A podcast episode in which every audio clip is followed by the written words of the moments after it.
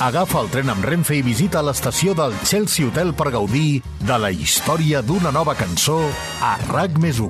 Amb Olga Suanya, el podcast on les cançons lliguen amb la història. Fly me to the moon, let me play. El convidat d'aquest episodi no necessita presentació.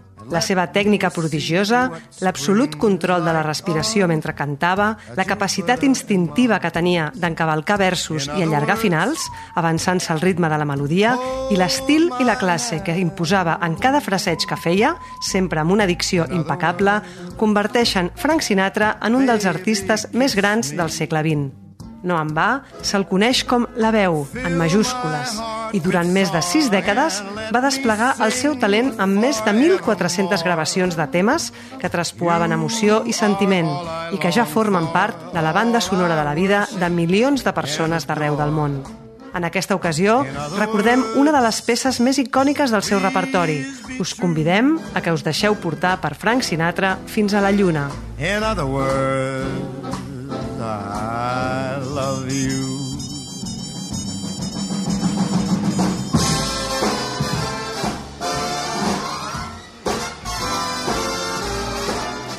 Com la majoria de cançons que va fer famoses el crooner més cèlebre de la història, Fly Me to the Moon no és una cançó original de Sinatra.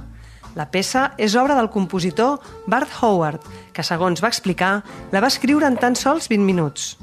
Inicialment, la va titular In Other Words, que és un dels versos més recurrents de la lletra, però un dels productors va suggerir rebatejar-la com Take Me to the Moon, i engrescat amb aquesta evolució, Howard va decidir finalment tancar-la com Fly Me to the Moon.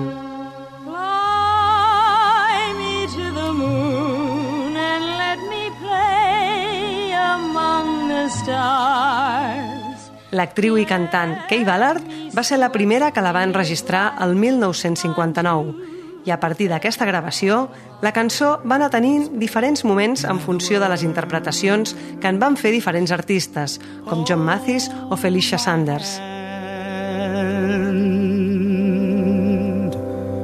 And in other words, Però la veritable popularitat de Fly Me to the Moon va arribar quan la va enregistrar Frank Sinatra en un àlbum que va editar amb el pianista de jazz Count Basie en una versió arranjada per Quincy Jones, on el productor va accelerar el ritme del tema original i li va donar un ritme de swing. fill my heart with song and let me sing forevermore. La publicació d'aquesta versió l'estiu de 1964, en plena cursa espacial entre els Estats Units i l'URSS per veure quina de les dues potències era la primera a arribar a la Lluna, va ser molt oportuna i va afavorir que el tema es fes molt popular. Encara que la lletra de Fly Me to the Moon parlés d'anar fins a la Lluna en un sentit metafòric, la referència explícita al satèl·lit va fer que ben aviat la cançó quedés associada a les missions Apollo. Three, two, one, zero. All engine running. Liftoff. We have a liftoff. 32 minutes past the hour. Liftoff on Apollo 11. Però la història d'aquesta gravació de Frank Sinatra no només està vinculada a l'aventura espacial des de l'imaginari d'aquestes missions a la NASA. La seva relació amb l'arribada de l'home a la Lluna és molt més directa, tant com que Fly Me to the Moon té l'honor de ser la primera cançó que ha sonat mai a la Lluna. I és que aquell 20 de juliol de 1969, quan el mòdul de l'Apolo 11 va arribar al mar de la tranquil·litat, la veu de Frank Sinatra cantant Fly Me to the Moon va poder sentir-se a la superfície lunar. It's one small step for man, one giant leap for mankind. Així ho va explicar Buzz Aldrin, el pilot que acompanyava Neil Armstrong en aquell viatge, a Quincy Jones en el 1987 en una festa on van coincidir tots dos. L'astronauta, sabent que ell havia estat el productor de la versió de Fly Me to the Moon de Frank Sinatra, li va explicar que quan ja eren sobre la superfície lunar va decidir agafar el caset que s'havien dut amb aquesta cançó i fer-lo sonar. Aquesta no era la primera vegada que Jones sentia aquella història.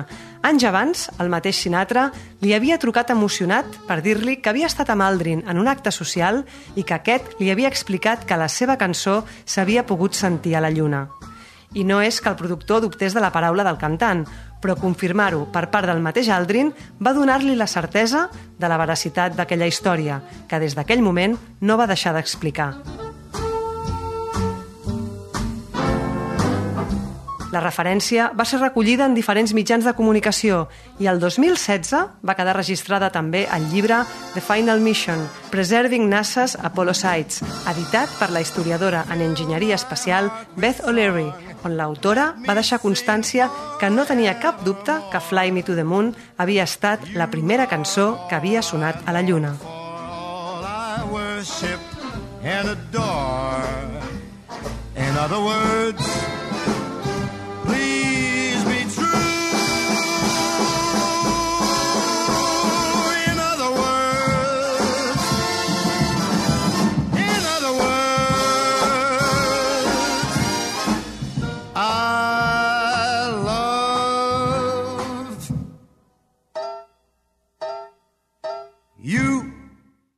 El tren de Renfe, amb parada a Chelsea Hotel, reprendrà el seu viatge i tornarà dissabte que ve amb noves cançons a RAC més 1, amb Olga Suanya, el podcast on les cançons lliguen amb la història.